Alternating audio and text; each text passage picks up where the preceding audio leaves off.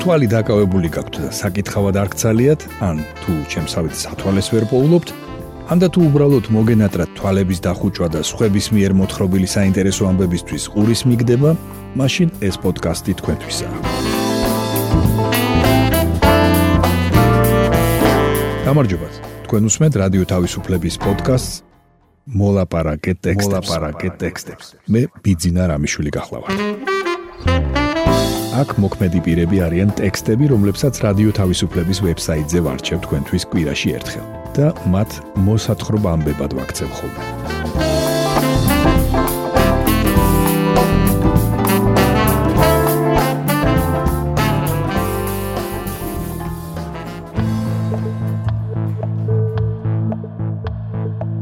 დღეს გესაუბრებით მცხეთის ძველი ხიდის ისტორიაზე და მოგითხრობთ ერთი ცნობილი გურული სიმღერის შესახებ.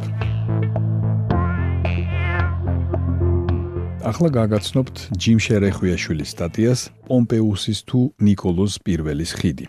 ცხეთის ძველი ხიდი, რომლის ამას წინანდელმა რამდენიმე დღიანმა გამოჩენამ დიდი ინტერესი გამოიწვია, შეუნიშნავი არ დარჩენია არც ერთ მოგზაურსა და მეცნიერს, ვისაც კი საქართველოსი ოდესმე უმოგზაურია ან საქართველოს სამხედრო გზაზე გაუვლია. ცხეთაში არის ქვის ხიდი, რომლის აშენებას რომაელ მხედართმთავარს პომპეუს მიაწერენ, წერდა წლების წინ ჟურნალი ძეგლის მეგობარი, რომელიც იქვე შენიშნავდა ზუსტად ამ ადგილზე პომპეუსის ლაშქრობამდეც არსებობდა ხიდიო. მაგრამ ასეც რომ არ ყოფილიყო, ნაგებობა, რომელსაც 1926 წლიდან მტკვრის წყალი ფარავს და რომლის ნაშთების ხილვაც ზაჰესის კაშხლის გახსნისას ხდება ხოლმე შესაძლებელი, მაინც ვერ იქნებოდა პომპეუსის აშენებული, რადგან ზუსტად არის ცნობილი თუ ვინ და როდის ააშენა ეს ხიდი, რომელსაც რუსეთის იმპერატორ ნიკოლოზ I-თან უფრო მეტი კავშირი აქვს, ვიდრე სახელოვან გნეუს პომპეუსთან.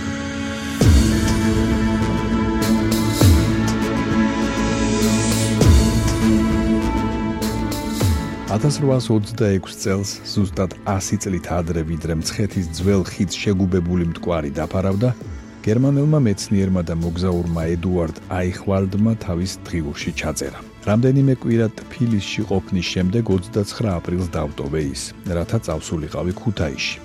მალე ჩვენ მივაღწიეთ მტკვარზე გადებულ მშვენიერ ხიდამდე მცხეთასთან, იბერიის ძველ დედაქალაქთან, საიდკენაც ბერძნულ ხანაში დიდი სავაჭრო გზა მოდიოდა. მტკვარი აქ ვიწრო ხეობიდან გამოდის და მძიმე ხმაურით უცბად ფართოდ შლის თავის კალაპოტს. მასზე აგებული ქვის ხიდი აშენებულია ერმოლოვის ბრძანებით. მოგზაურებმა მასზე ტვირთის გადატანაში უნდა გადაიხადონ ბაჟი, რაც მცხეთის ეკლესიის კუთვნილებაა და წლიურად უნდა შეადგენდეს 4000 ვერცხლის მანეთს ციტატის დასასრულად. ედუარდ აიხვალდის მიერ აღწერილი ეს ხიდი სულ რაღაც 15 წელიწადში ახალი ქვის ხიდით შეიცვალა. აშენდა ის, რომლის მნიშვნელოვანი ნაწილი დღემდეა შემორჩენილი და რომელსაც ახლა მტკვრის მღვრიე წყალი ფარავს. თუმცა ისიც ვთქვათ, რომ ამ ადგილზე მთავარ მართებელ ალექსეი ერმოლოვამდეც მრავალი ასეული წლის განმავლობაში გადებული იყო ხიდი, რომელსაც ხალხი ხან პომპეუსის, ხან მოგვების და ხანაც გორგასლის ხიდს უწოდებდა. როგორც მცხეთის ძველ ხიდზე დაწერილი მონოგრაფიის ავტორი, ინჟინერი ნიკო კვეზერელი კოპაძეცერს, ეს ხიდი დიდი ისტორიული ამბების მოწმეა. მასზე გადაუვლიათ რომაელთა ლეგიონებს, ბიზანტიისა და არაბთა სამხედრო ნაწილებს. მას გაუძლია მონღოლთა, ოსმალთა, სპარსთა და ლეკთა შემოსევებისთვის. ამ ხიდს ახსენებენ ანტიკური დროის ისტორიკოსები. დასაბუთებულად შეგვიძლია ვამტკიცოთ, რომ ცხეთის ხიდი ისევე როგორც ხიდი არაგუზე პომპეუსის ივერიაში ლაშქრობამდე არსებობდა. ამბობს ნიკო კვეზერელი კოპაძე. თუმცა რატომღაც მეტად სიცოცხლის უნარიანი გამოდგა აპიანეს მიერ მოთხრობილი ისტორია პომპეუსის მიერ ხიდის მშენებლობის თაობაზე. რაც ერთგვარ კლიშედაც კი იქცა. ღართის კარიდან რამდენიმე ვერსში ჩვენ გადავედით მტკვარზე ძველი ხიდით, რომელიც წარმოადგენს რომაელთა ლაშქრობის ძეგლს. ამბობს ალექსანდრ პუშკინი 1829 წელს არზრომში მოგზაურობის დღიურში. ამავე შეცდომას უშვებს ბარონი ფიოდორ ტორნაუც, რომელიც 1832-44 წლებში მსახურობდა კავკასიაში და წესით კარგად უნდა სწოდნოდა ხიდის ისტორია. სწრაფად გავიარეთ ფასანაური, ანანური, დუშეთი, ღართისკარი, მცხეთა და რომაული ხიდი მტკვარზე. წერს ტორნაუ თავის მოგონებებში. ხოლო ვახტანგ განაფართა ხიდი მოგვეთისა, ვით არ 60 მხარი ქცევისათვის მას ზედა სპათა. გითხულობთ მე-11 საუკუნის ისტორიკოსის ჯოან შერის ქართლის ცხოვრებაში. განაფართა, ანუ ძველი ხიდი გადააკეთა, გააფართოვაო. მართლაც როგორც ნიკო კვეზერელი კოპაძე ამბობს, ვახტანგ გორგასალმა 20 მეტრიან ხის მალს დაუმატა დამატებითი კონსტრუქციები და ხიდის სიგრძე გაიზარდა 60 მხარით, ანუ 100-120 მეტრით. გააკეთა ხიდამდე მისასვლელები, რომლებშიც ჩართო თაღოვანი სარკმლები. მარცხენა სანაპიროსთან 5, მარჯვენასთან 3, რათა წყალდიდობის დროს ხიდს სრულად გაეტარებინა მტკვრის მოწოლილი წყალი. ამასთან ხიდის ცენტრალური ნაწილი კვლავ ხის დარჩა, რადგან ხის მალს თავდაცვითი მნიშვნელობა ჰქონდა. მტრის მოახლოებისას შეეძლოთ იგი ჩაეშალათ და გზა გადაეღობათ მომხდურთათვის. ცხეთის, ანუ როგორც მაშინ ეძახდნენ, მოგთა ხიდმა ამ სახით თითქმის 13 საუკუნე იარსება.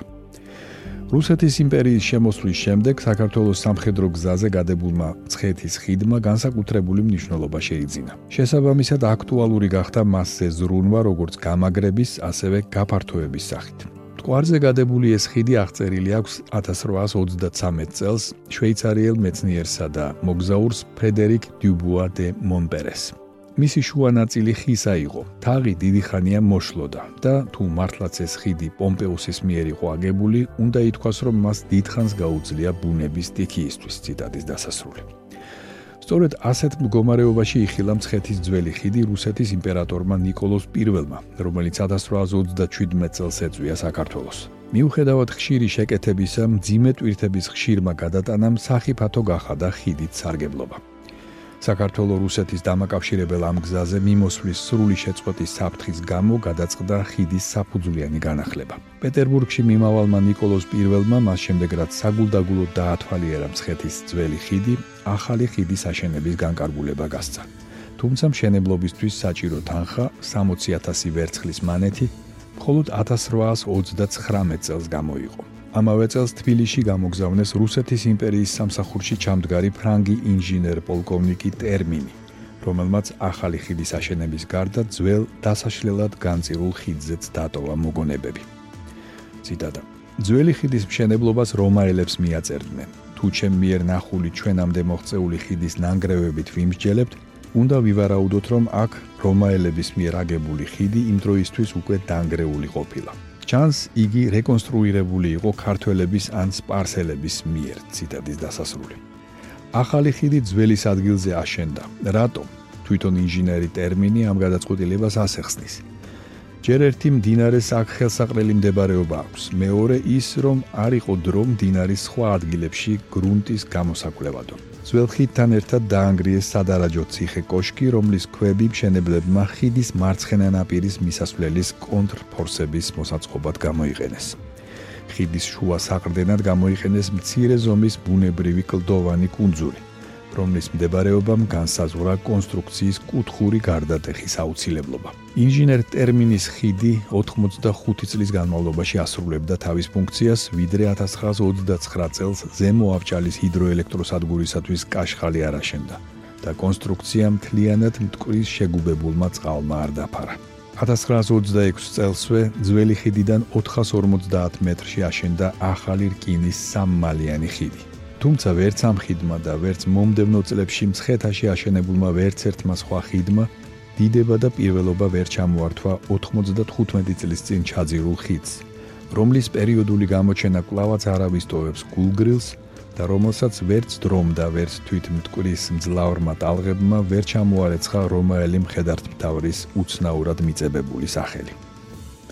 თქვენ მოისმინეთ ჯიმშე რეხვიაშვილის სტატია პომპეუსის თუ ნიკოლოზ პირველის ხიდი.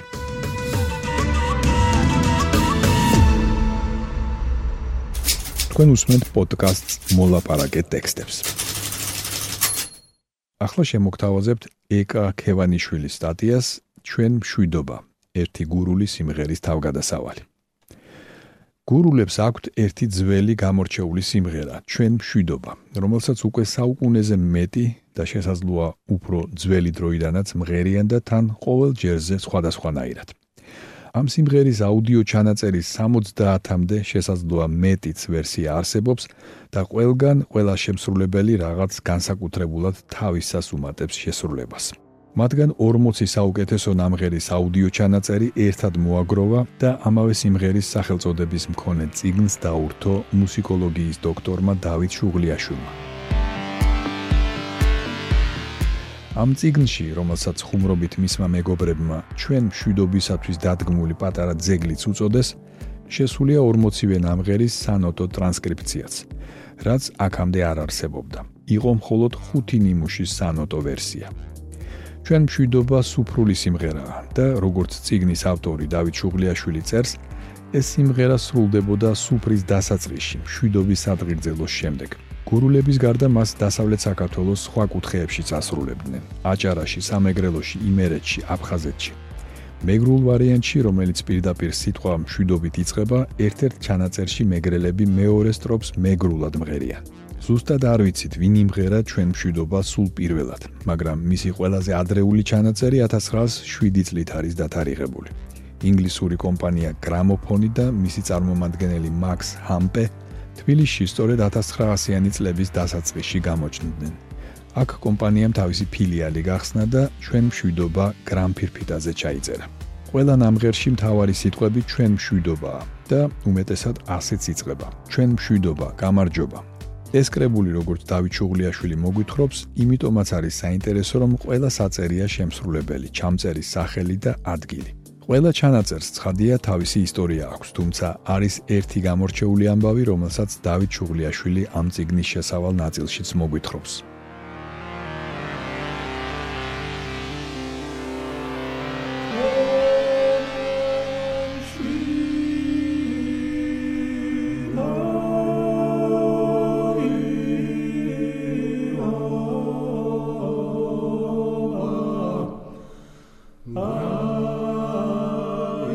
ჩვენ მშვიდობის ერთ-ერთი ვერსია პირველი მსოფლიო ომის დროს ტყვედ ჩავარდნილი ქართველების ნამღერია. ჩანაწერები 1916-1918 წლებშია შესრულებული.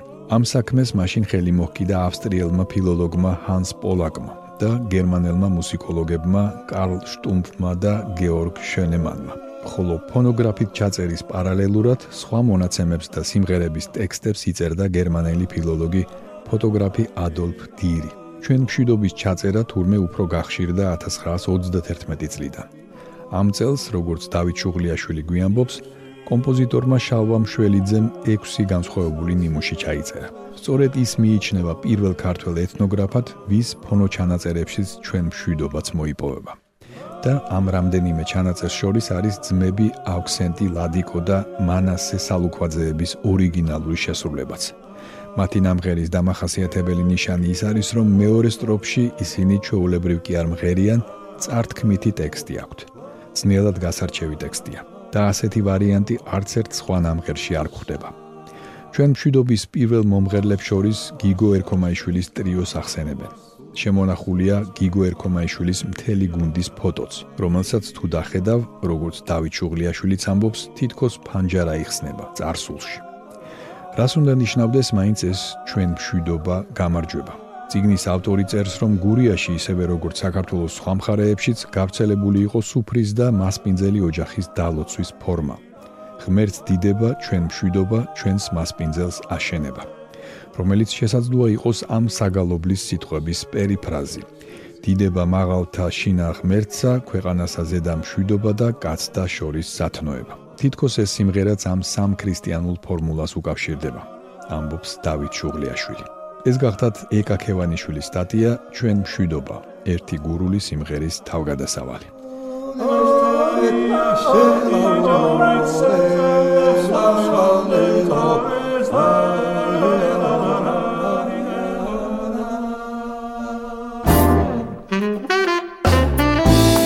თქვენ მოისმინეთ რადიო თავისუფლების პოდკასტი მოლაპარაკე ტექსტები. მე კვირაში ერთხელ ვარჩევ რადიო თავისუფლების ვებსაიტზე გამოქვეყნებულ ტექსტებს და მათ მოსათხრობამდებად ვაქცევ ხოლმე. ჩვენი პოდკასტი შეგიძლიათ გამოიწეროთ, ჩამოტვირთოთ ან მოისმინოთ პირდაპირ რადიო თავისუფლების ვებსაიტზე. მისი მისამართია თავისუფლება.ge. თუ ჩემი მიერ მოთხრობილი ტექსტები სრული სახით დაგაინტერესებთ, მათი მოძებნა იულია. ვებსაიტზე, პოდკასტის გვერდზე იპოვით ყოველ ცალკეულ პროგრამაში მოთხრობილი ტექსტების ბმულებს. მე ბიძინა რამიშვილი ვარ. მომავალ შეხვედრამდე.